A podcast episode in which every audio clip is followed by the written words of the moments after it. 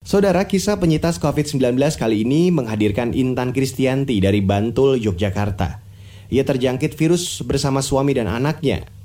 Berbeda dengan nasib pasien lain, Intan dan keluarga mendapat dukungan penuh dari para tetangga. Warga desa tempat tinggalnya ikut membantu mereka melewati masa krisis. Berikut kisah perjuangan Intan menaklukkan corona yang disusun jurnalis KBR Valda Kustari ini tentang COVID ini saya tidak begitu takut dalam tanda kutip, tapi justru saya mengalami tentang stigma masyarakat yang awalnya memberatkan. Itulah yang dirasakan Intan Kristanti, penyintas COVID-19 ketika ditanya tentang perjuangannya melawan virus. Penyakit itu berhasil Intan taklukan, tapi tidak demikian halnya dengan stigma dan diskriminasi. Intan bersama anaknya dinyatakan positif COVID-19 pada pertengahan April lalu. Keduanya dites usap setelah suami Intan terjangkit corona pada Maret. Mereka diduga terinfeksi usai kontak dengan anggota jemaat gereja yang masuk klaster Lembang, Bandung. Kebetulan Bapak Gembala serta Ibu itu peserta kegiatan keagamaan di Lembang dan waktu ibadah itu belum ada yang covid-covid gini di Jogja belum ada untuk ibadah online juga belum ada. Nah tapi keluarga beliau isolasi di salah satu rumah sakit. Suami Intan lebih dahulu dirawat di rumah sakit. Intan dan ketiga anaknya sempat isolasi mandiri di rumah sembari menunggu hasil tes usap. Mereka tinggal di Panggung Harjo, Bantul, Yogyakarta yang dikenal sebagai salah satu desa tanggap COVID-19 hasil swab benar-benar positif, kita nggak terlalu yang takut karena sudah isolasi. Maksudnya takut untuk mengeluarkan ke yang lain gitu, sudah antisipasi karena beberapa hari kemudian kita rapid test seluruh keluarga ternyata yang positif saya dan anak saya nomor tiga, tapi tanpa gejala. Begitu dinyatakan positif, Intan dan anaknya dijemput ambulans untuk dirawat di rumah sakit lapangan khusus COVID-19 di Bantul. Bagi Intan, Hal terberat yang harus dihadapi adalah pemberitaan negatif tentang dirinya dan keluarga. Di grup aplikasi percakapan berseliweran bermacam stigma tentang keluarganya sebagai pembawa virus. Intan harus menenangkan anak-anaknya yang berada di isolasi maupun di rumah. Kita harus berdamai dengan keadaan kita. Saya kasih tahu bahwa COVID ini bukan aib kalau orang lain mau anggap itu baik, silahkan itu bukan masalah kita, itu masalah orang lain. Kita hanya mengambil yang positif saja. Perempuan 39 tahun ini memberanikan diri untuk berkomunikasi via daring dengan para tetangganya warga desa Panggung Harjo.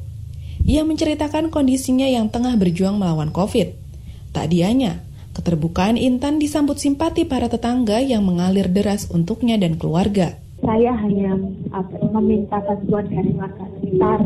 Dalam kerendahan hati saya tolong kami dibantu um, support kami untuk mendoakan kami. Kami hanya menginginkan itu saja. Warga kemudian berbondong-bondong memberikan dukungan.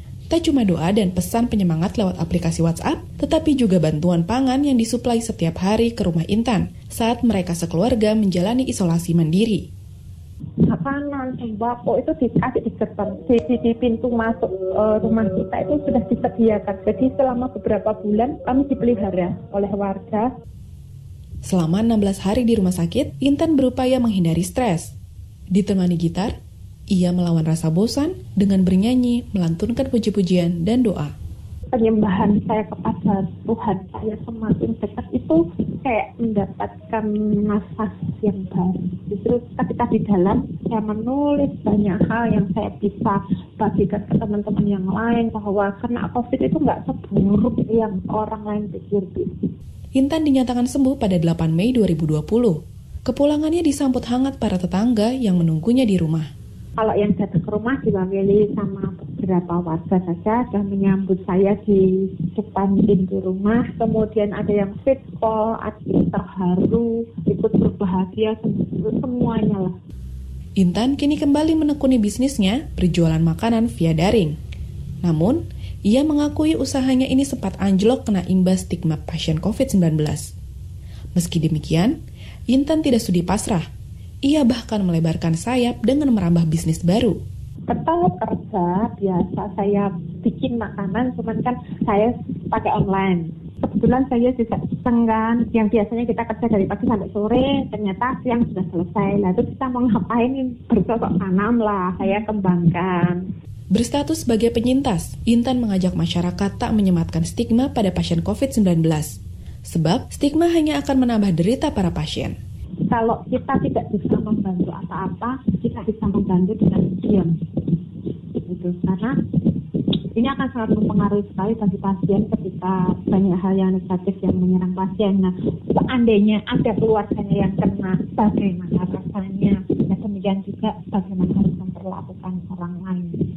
Demikian laporan khas KBR. Saya Valda Kustarini.